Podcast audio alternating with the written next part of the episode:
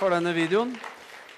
Veldig kjekt å få lov å være med og formidle også på den måten litt av eh, hva Nehemja eh, var, historien hans.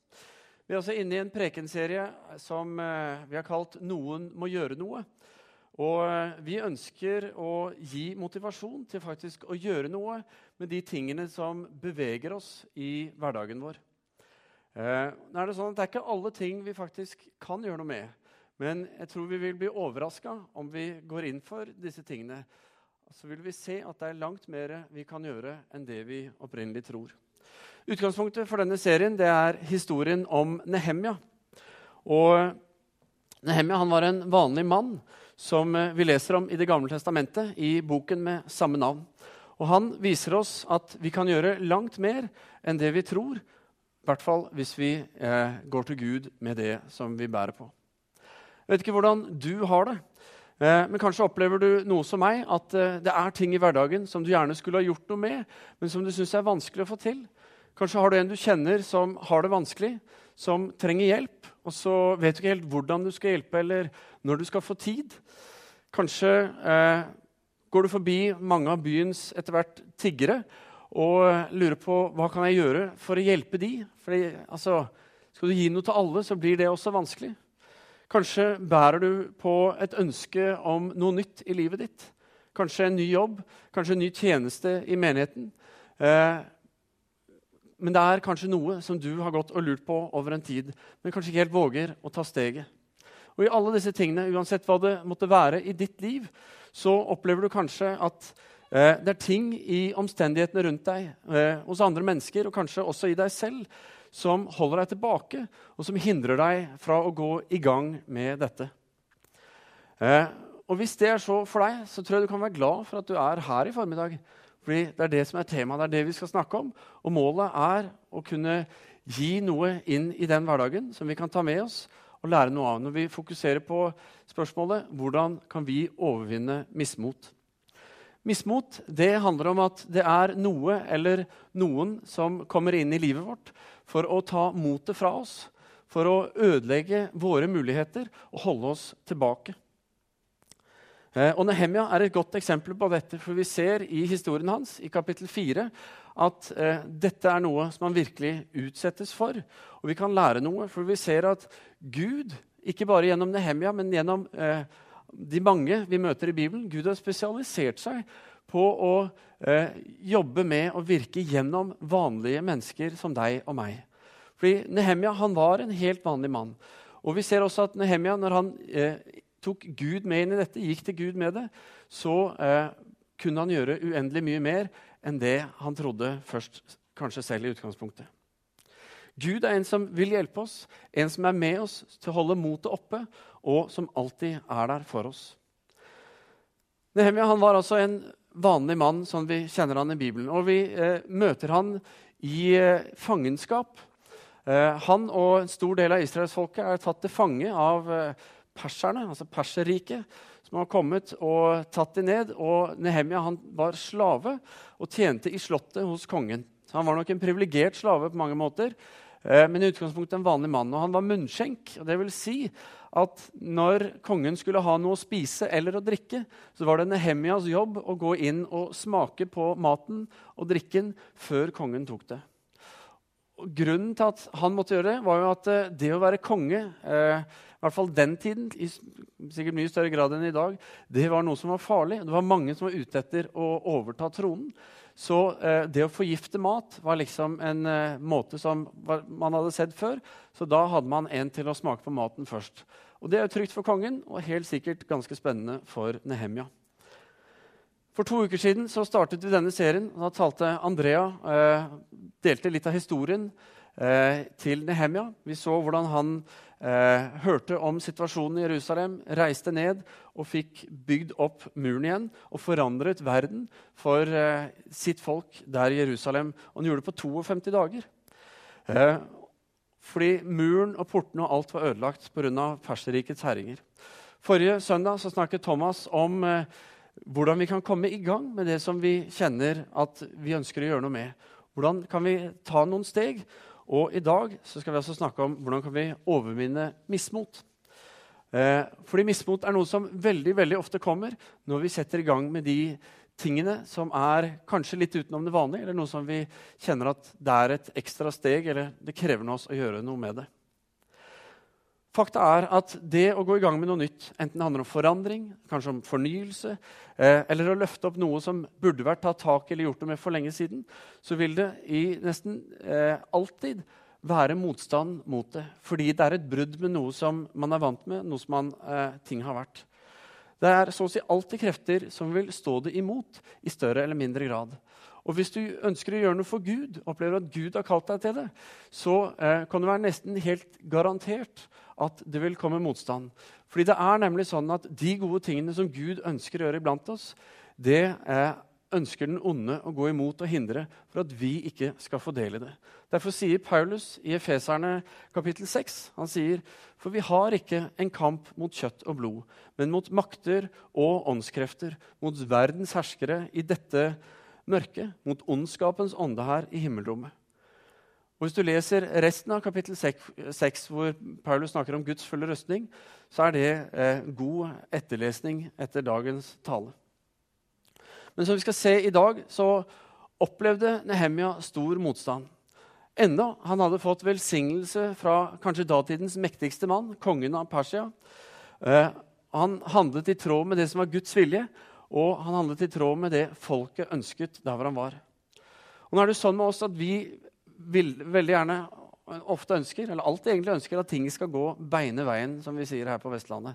At ting skal gå sånn som vi vil. Eh, og Det er lett å tenke sånn om Nehemia at dette burde jo gå beine veien. altså Når du har både Gud og kongen og folket på din side. Men så er det jo, som det så veldig ofte er, ikke sånn ting går. For det kommer motstand. Og Derfor er det så viktig for oss å vite at når vi gjør noe, og særlig når vi gjør noe eh, for Gud, fordi Gud har kalt oss, og som vi opplever at Han leder oss til, så er ikke den motstanden vi møter, noe som kommer fordi vi gjør noe galt. Men den kommer fordi vi gjør noe som er rett.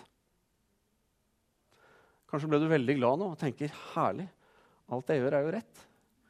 Fordi du opplever mye motstand. Jeg sier ikke det.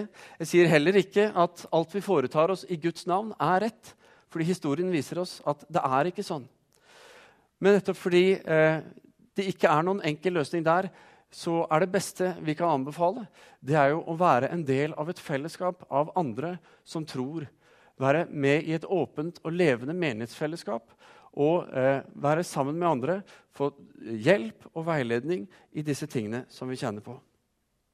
Fordi vår fiende, den onde, han bryr seg eh, ikke hvis vi holder på med ting som ikke er en trussel. Altså Hvis ikke det vi gjør, er med på å vekke opp troen og styrke Guds posisjon, så er ikke han særlig interessert i å bry seg med det.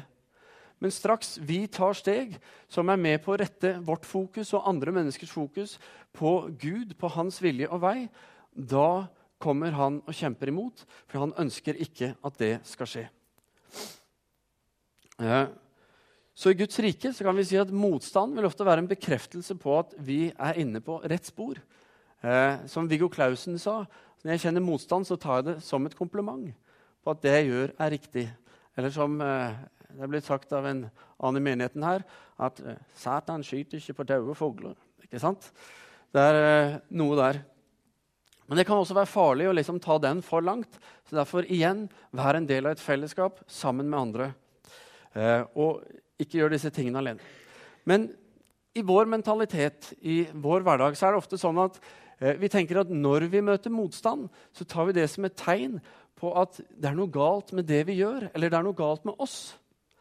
Og Derfor er det veldig ofte at vi ser kanskje at flere ting strander, ikke skjer, nettopp pga. motstand og påfølgende mismot. Mer enn det det kanskje er ting som eh, faktisk blir båret gjennom i tro, og som følges opp av glede. Derfor skal vi nå se på to områder hvor fienden vil utfordre oss og gi oss motstand. Så skal vi etterpå se på noe ting vi kan gjøre for nettopp å overminne mismotet. Den første måten som fienden vår ønsker å utfordre oss på, det er gjennom motstand som kommer utenfra. Vi skal lese sammen fra Nehemia kapittel 4 og fra vers 1 og utover. Og da står det i vers 1.: Da Sanballat hørte at vi holdt på å bygge opp muren, da ble han sint. Han var fra seg av raseri. Eh, så du skal vite hvem Sanballat er. Han eh, var en av stattholderne i denne provinsen hvor Israel var, i det store Perserriket. Han var altså, en tjenestemann for perserkongen. Han hadde stor makt eh, lokalt der og nøt godt av det. Og Tobia eh, er eh, navnet på assistenten hans, eller hans nærmeste medarbeider. Og Sammen så hadde de kontroll over dette området, over judeerne. Og de eh, nøt godt over at det ikke var så bra stelt. At ikke eh, folket fra Judas stamme, judeerne som de kalles, denne ene stammen i israelsfolket, de nøt godt at de ikke hadde det så bra. Og de likte ikke at Nehemia kom for å styrke folket. Eh, og vi leser da videre. Sambalat altså, han spottet judeerne, og han sa til landsmennene sine og til hæren i Samaria Hva er det disse elendige judeerne driver på med? Skal de bygge opp igjen og ofre og fullføre på én dag? Kan de gjøre de brente steinene i grushaugen levende igjen, kanskje? Så ammonitten Tobia, som var sammen med han, sa og la de bare bygge så mye de vil. Bare en rev hopper oppå, så kommer muren til å dette ned med en gang. Så har det Sørlandet all eh, til Eller jeg beklager så mye til Sørlandet for det forsøket. Men de hadde sikkert en dialekt der òg. Vi prøver å livne litt opp her. Men det er aldri kjekt å stå i noe og bli spottet og gjort til latter i det man er i. Sånt blir vi mismodige av. Og motstand utvikler seg mer og mer i takt med at arbeidet med muren fortsetter. Og vi ser at Sanballat og Tobia og gjengen der de ruster opp til krig for å angripe og hindre dem i å bygge denne muren. Nehemia han hadde kommet langt. Han hadde som vi hørte, fått tillatelse av kongen, eh, velsignelse av Gud. Han hadde reist langt. Han hadde jobbet hardt og samlet folket og satt i gang arbeidet. Og så kommer denne motstanden. Og For han må det ha følt som at tre steg fram fort ble to steg tilbake. Her i menigheten er det mange av oss som har valgt å gi tiende, altså 10% av inntekten vår, til menighetens arbeid. For mange er dette et ønsket mål, noe vi gjør. fordi vi ser at eh, skal vi bygge og utvikle menighet, så må noen gjøre noe. Eh, være med å gi og bidra på den måten. Bygge og utvikle menigheten.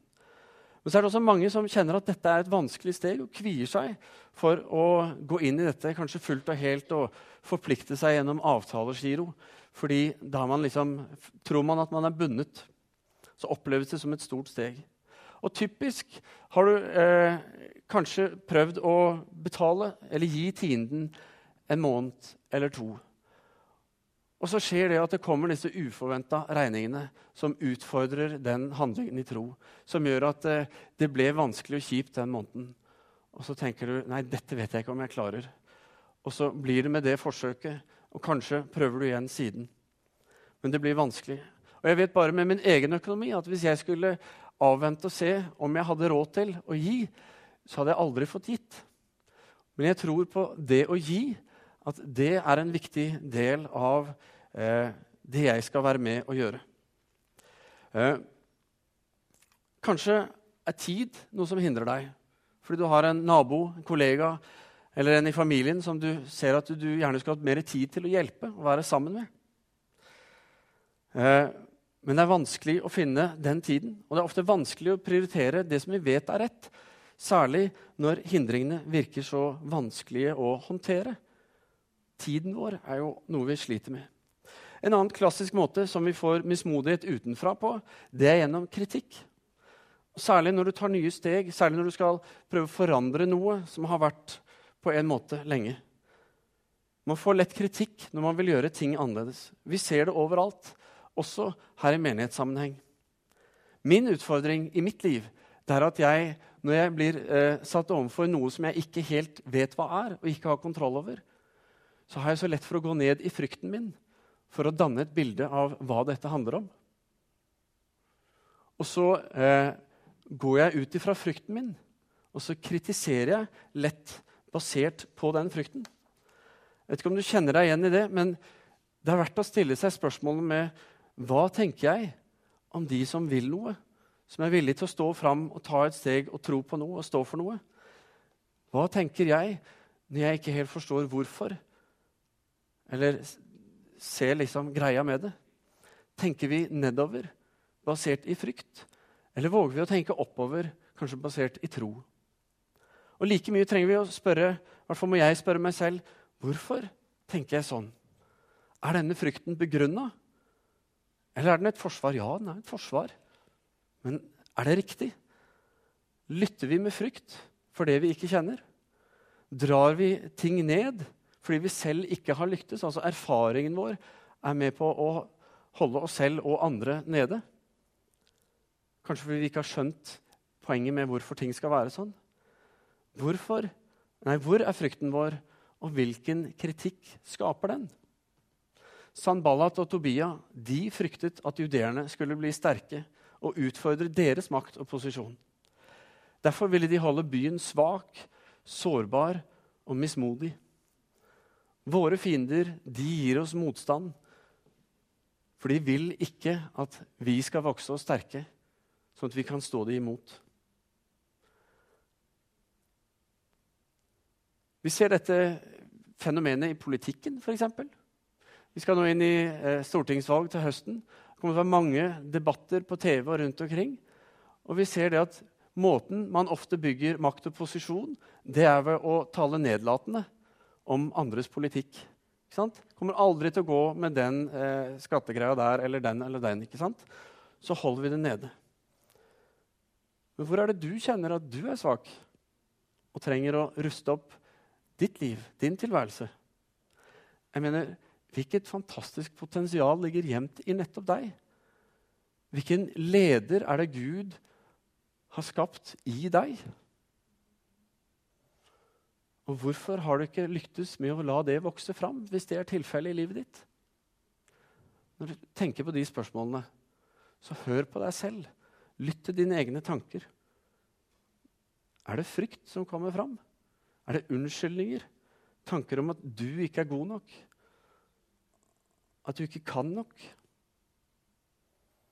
Hvorfor skjer nettopp det når vi tenker på disse tingene? Og Det fører oss over på det andre området av mismot, som handler om mismot innenfra. Vi leser videre i vers 10, og vi ser at motstanden begynner å slå rot i hjertene hos judeerne. Og Der sier de Da sa de i Juda De som bærer, har ikke mer krefter. Det er for mye grus. Vi makter bare ikke å bygge denne muren. Mismotet begynner å slå rot. Hvem er det du tror at du er? Du kan ikke gjøre dette. Du er ikke flink nok. Du tjener ikke nok. Du klarte det ikke sist du prøvde. Hva kommer han eller hun Hva kommer de til å tenke om deg? Hva kommer de til å si? Listen over indre motstand er uendelig lang, og den viser bare at motstand er et fag som fienden vår har utviklet på et høyt nivå, og som han bruker så aktivt han kan. Om det bare lykkes å holde oss nede, holde deg nede, svak, sårbar og mismodig, ja, da er du ingen trussel. For da vil det ikke skje store ting.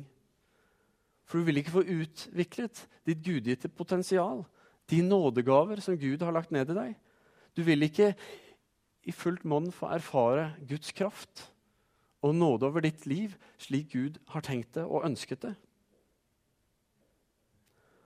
Og så lykkes kanskje fienden med nettopp å få oss til å tro at disse eh, mismodige tankene om at vi ikke er gode nok, at vi begynner å tro på de.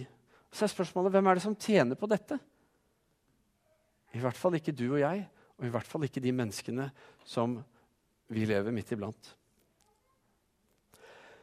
Når du tar steg i tro, så vil du møte motstand, som vi sier. Ikke fordi det du gjør, er galt, men kanskje nettopp fordi det er rett. Du vil møte hindringer, kritikk og selvfordømmelse. Noen husker kanskje jeg har fortalt denne historien her en gang før. Men den passer inn, så jeg tar den igjen. For to år siden så gikk jeg og bar på mismot i mitt liv. Jeg opplevde at ting ikke fungerte. At de planene jeg hadde, fikk jeg ikke gjennomført. Jeg opplevde at uh, det var mye motstand. Jeg begynte å stille spørsmål ved meg selv, spørsmål ved mine evner, ved mitt kall, ved min tjeneste. Var det her jeg skulle være? Skulle jeg være pastor? Og så, helt uannonsert, en dag så dukker det opp to italienske turister på døra til kontoret. De hadde landlov fra cruiseskipet sitt og var rundt og kikket på byen. Vi pratet en stund. Jeg fortalte dem om menigheten her, jeg fortalte om byen vår, viste dem skiltet på andre siden hvor det står 'Jesus, verdens lys', og litt av byens historie. De fortalte om menigheten de gikk i, i eh, hjemme i Italia. Og vi, om litt, snakket om litt av hvert. Og De fortalte at grunnen til at de valgte å komme hit til kirka, var at når de så den på avstand, så var det som om det lyste av den. Det var noe spesielt ved den. Og det liker vi å høre. Jeg syns det er kjempeflott når folk ser det og, og, og velger å komme hit pga. det. Så det syns jeg var kjempeflott. Og eh, tok det veldig positivt. ikke sant? Men idet de skal til å gå, så sier da denne mannen Det var et ektepar. sier mannen Elia, som han het. Han opplevde at han eh, trodde at Gud ville at han skulle si noe til meg. Liksom på vegne av Gud. Og når det skjer, så er jeg alltid nysgjerrig. Men samtidig så har jeg en litt sånn der OK, hva kommer nå-greie? For det hender jo av og til at eh, det som kommer, er litt rart og vanskelig å forstå. Så sier da Elia, jeg opplever at Gud vil at jeg skal si til deg at han ser deg, og at han har behag i deg og den jobben du gjør. Han vil du skal vite at du skal stå på videre i det du gjør. Og det var lett å forstå. Og da som nå kjente jeg at jeg måtte kjempe med tårene. For det gikk rett hjem, og det gjør like mye nå. Gud så meg, og han tok et oppgjør med mismotet i mitt liv.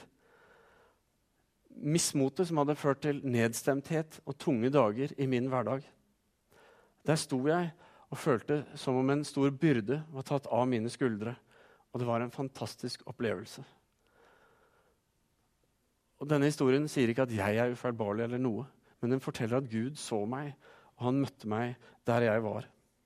Så blir spørsmålet vårt stående hvordan overvinner vi mismot? Skal vi vente på Elia? Kanskje må vi det. Men la oss se på tre ting som Nehemia gjorde, som vi kan gjøre. Eh, og Det begynner i vers 9. Og dette er noe som vi kan gjøre nesten uansett. Eller ikke nesten, men vi kan gjøre det uansett. Og i hvert fall hvis du skal i gang, med noe nytt, så kan du gjøre dette. Og der står det Men vi ba til vår Gud og satte vakt på murene dag og natt for å holde dem borte altså fienden.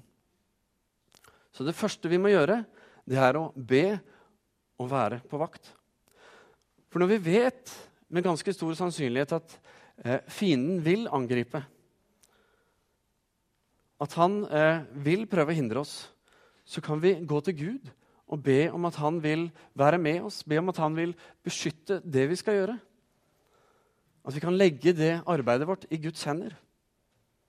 Og Så kan vi også være mentalt forberedt på angrepet som kommer. For vi vet noe av hvordan fienden opererer. Sånn at når det kommer, så kan vi ta det og gi det til Gud, slik at det ikke får makt over oss. Videre så leser vi i vers 14 de to neste stegene. Og der står det, sier Nehemia, da jeg hadde sett på dette, all motstand, så reiste jeg meg, og så sa jeg til de fremste, stormennene og resten av folket. Vær ikke redde for dem. Tenk på Herren, den store og skremmende, og kjemp for brødre, sønner og døtre, kvinner og hjem. Vær ikke redde. Om vi skulle si det i en sånn nytestamentlig språkdrakt og hente ut noen av versene der som sier noe om dette, så kan vi gå til 1. Johannes 4,4, hvor det står Men dere, mine barn, er av Gud og har seiret over dem. For han som er i dere, er større enn han som er i verden. Og i Romerne 8, vers 31, står det er Gud for oss. Ja, hvem kan da være mot oss? Og i vers 38 og 39 i samme kapitlet så står det For jeg er viss på at verken død eller liv, verken engler eller krefter, verken det som er eller det som skal komme, eller noen makt, verken det som er i det høye eller i det dype, eller noen skapning, skal kunne skille oss fra Guds kjærlighet i Kristus Jesus. Vi har intet å frykte fordi Gud er med oss. Så det andre punktet er tenk på Herren. Gå til Han. Søk Hans vei. Les Hans ord. La han få lov til å bygge deg opp og gi deg nytt mot, ny kraft, ny styrke. Jeg tenker på en uh, tegnefilm om Moses som jeg så. Ikke denne kjente Dreamworks uh, 'Prinsen av Egypt'-filmen, uh, men en annen en, hvor Moses, som vi kanskje vet, er kalt sant, for å hente israelsfolket ut av Egypt, hvor de var som slaver. Og Så står i denne scenen Moses foran farao, og så sier han, 'La folket mitt gå'. Og Da snakker vi altså om flere hundre tusen mennesker som utgjorde liksom arbeidskraften til farao. Det var de som bygde og lagde stor, de store tingene han hadde. La dem gå. Der står lille Moses opp mot farao. Og Aron, broren til Moses, står ved siden av og tenker bare Er du ikke klok, mann? Skjønner du hvem du prater til? Ikke sant? Frykter du ikke farao? sier Aron. For ja, farao var datidens mektigste. Og du går ikke bare opp til han og sier liksom 'kom igjen'. Så svarer Moses, 'Jo visst frykter jeg farao, men jeg frykter Gud enda mer'. Moses visste hvem Gud var, og han visste hva Gud hadde sagt, og hva han hadde gjort tidligere. Han kjente Gud, han visste at Gud var den mektigste i denne sammenhengen. Og Bibelen er full av historier om menn og kvinner som går på Guds ord, og som får gjennomføre store ting når Gud er med. Så kan vi spørre oss hvor er historiene fra vår tid? Hvor er historiene som skjer i dag? De er der. Men jeg tror at vårt krav til bevis og forklaring har tatt livet av troshistoriene. Som da en av tenåringene våre kom hjem fra leir, hadde dratt på leir med brukket arm. De ba for han. Han opplevde at han ble helt frisk, for han hadde ikke smerter. Han kunne bruke hånda akkurat som han alltid hadde gjort. Og han takket Gud, og det var stor glede. Og Så kommer han tilbake til menigheten og prater med en av de voksne i menigheten. Så forteller han sin historie, og så får han høre at ja, da var det nok kanskje ikke et ordentlig brudd allikevel, da, gutten min Jeg har ikke lyst til å fortelle historiene dine når du blir møtt av den holdningen der. Slik møtes ofte troshistoriene, tror jeg, som gjør at vi kanskje ikke våger å tro eller våger å gi de videre.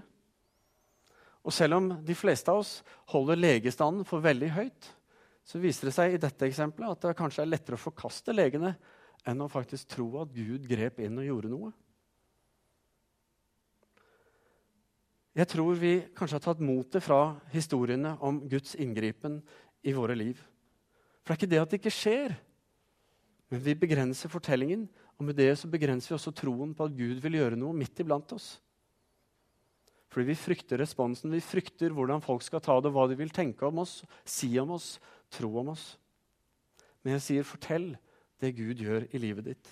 Gi Han ære, og be for de som tar motet fra deg. Og det siste punktet kjemp for saken. Kjemp for saken din. Ikke kjemp for deg selv, men for dine brødre, sønner, døtre og kvinner og hjem. Eller kjemp for din neste, som kanskje Jesus ville ha sagt det. Troen på og livet med Gud er ikke en dans på roser, men det er noe vi må kjempe for å kunne stå i. Veldig ofte. Ikke hver dag, heldigvis. Men kampen er også et uttrykk. Så når vi går inn i kampen, så er det et uttrykk for vår tro. Og så er det også noe i kampen som bygger troen i oss. Så ikke kjemp for tradisjoner, ikke kjemp for tankesett og vaner. Men kjemp for de menneskene som Gud har satt deg midt iblant. De menneskene som du omgås i din hverdag. At det kristne livet liksom skal være en dans på roser, det er en løgn som får oss som kristne til å tenke at noen skal gjøre noe for oss. Men sannheten er at noen må gjøre noe for de menneskene som Gud har satt i livene våre. Og da blir det fort et spørsmål om ikke det er deg og meg som skal være med og bety noe for andre. Jeg sier kjemp for Jesus, for de som ikke kjemp som Jesus, for de som ikke kjenner Gud og ikke har fått erfare Hans nåde og kjærlighet. Kjemp videre som Han nå gikk han i døden, så du skal få slippe å gå i døden. Men gi ditt For at disse menneskene som Gud har satt deg midt iblant, skal få erfare fellesskap med Gud. Og få del i det livet som han har skapt oss til. Og Så kan det hende at det ikke skjer noe inni oss når vi ser menneskene rundt oss, de vi vet ikke kjenner Gud, som ikke har fått ta imot nåden. At det kanskje ikke det driver oss fram. Da er vi så privilegerte at vi skal få lov til å komme til Gud på ny og ta imot Hans nåde og forstå og lære å se den på ny og la det få lov til å prege våre liv, sånn at vi får fornyet vår tro, slik at Hans nåde skal få lov til å komme på dypet i våre liv og forandre oss på ny. Sånn at vi kan gjøre som vår verdi om nåde her i menigheten, hvor vi sier at vi ønsker å ta imot Guds nåde. Vi ønsker å leve i Guds nåde, og vi ønsker å formidle den. Og Når vi får lov til å være med, det, med, på det, så er det en enorm rikdom og velsignelse for oss, men også for de menneskene som vi får lov til å gi nåden videre til. Og til slutt er spørsmålet da hva vil du kjempe for? Vil du kjempe for familien din? Vil du kjempe for menigheten din? Vil du kjempe for eh, nærmiljøet ditt? Vil du kjempe for de fattige iblant oss? For de prostituerte i byen vår? Eller kanskje de som tror at rikdom er en redning for dem? De som lever i slaveri, er kanskje noen du vil kjempe for. Og bare vit det at det har aldri vært større andel slaver i verden i menneskets historie enn det det er i vår siviliserte verden i dag. Det største tankekorset nesten som vi har. Vil du kjempe for din egen rettferdighet eller for Guds rettferdighet? Vil du kjempe for tiggerne som du ser om du går gjennom byen hver dag, eller når du er der? Vil du kjempe mot bakmennene som kanskje står bak disse, bak de prostituerte, bak narkotikahandel osv.? Vil du kjempe for at mennesker skal få møte den evige, sanne, levende Gud og Hans sønn Jesus Kristus? Få ta imot Hans nåde og frelse. Hva vil du kjempe for? Én ting er sikkert noen må gjøre noe. Martin Cave, som er pastor i Imi-kirken her i Stavanger, eh, han så tilbake for en tid siden på 30 år i menigheten som han er i her i Stavanger. Fra han begynte i et nesten nedlagt bedehus med en håndfull eh, eldre mennesker og så har han fått bygge to bygg i løpet av disse årene. Så sier han at gjennom all den kampen som jeg har stått i, alle de tunge takene, så har jeg lært én ting for sikkert, sa han. Det er alltid for tidlig å gi opp. Kjemp fordi Gud er med, ikke fordi alle andre har lyst til å heie på deg. Gud heier på deg. Og det er alltid nok. Som David sa, kong David i samme 23, så sa han Herren er min hyrde. Jeg mangler ingenting. Skal vi be. Kjære himmelske Far, takker og priser deg, Herre, for at uh, du er vår Gud. Takk for at du elsker alle mennesker som lever i dag. Du gikk i døden for dem, Herre. For at de skulle få lov til å leve i fellesskap med deg. At vi skulle få lov til det. Få del i din nåde, og la det få lov til å være stempelet over vårt liv. At vi er kjent av deg, at vi er satt fri, at vi er frelst. At vi får lov til å leve et nytt liv sammen med deg. Og Herre, takk for at du kjenner hver enkelt av oss, Herre. Du ser hvilken kamp vi står i i vår hverdag. Du ser de utfordringene som vi kjemper.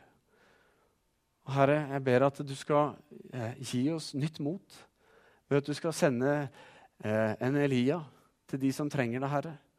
At du skal eh, tale gjennom ditt ord. At du skal bygge opp, Herre, og gi ny kraft.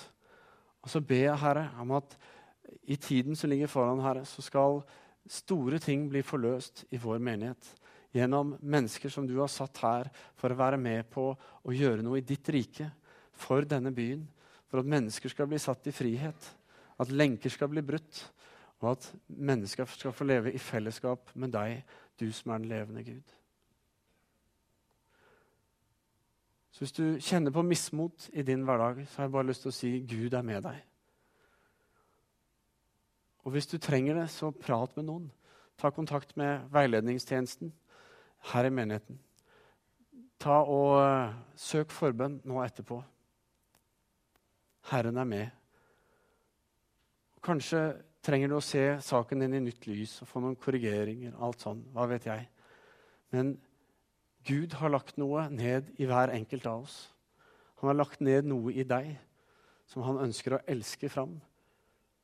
Til gang for deg og til gang for alle de menneskene som du får lov til å leve midt iblant i din hverdag. Og det er en velsignelse, men også en kamp, å få lov å stå der hvor Gud ønsker å ha oss. Men vi skal seire, for ingen er større enn Han. Og Hvis Han er for oss, ja, hvem kan da være imot oss? Herre, takk for at du ser hver enkelt av oss. Herre, jeg ber, kom og møt oss, tal til oss, velsigne oss, Herre. Fyll oss på ny med din tro, Herre. Troen på deg. Fyll oss på ny med din sannhet, med din virkelighet. Sånn at vi får ta de stegene, Herre, som du kaller oss til. Fordi noe må gjøres. Og Herre, du ønsker å gå med oss i den veien. Vi ber i Jesu navn. Amen.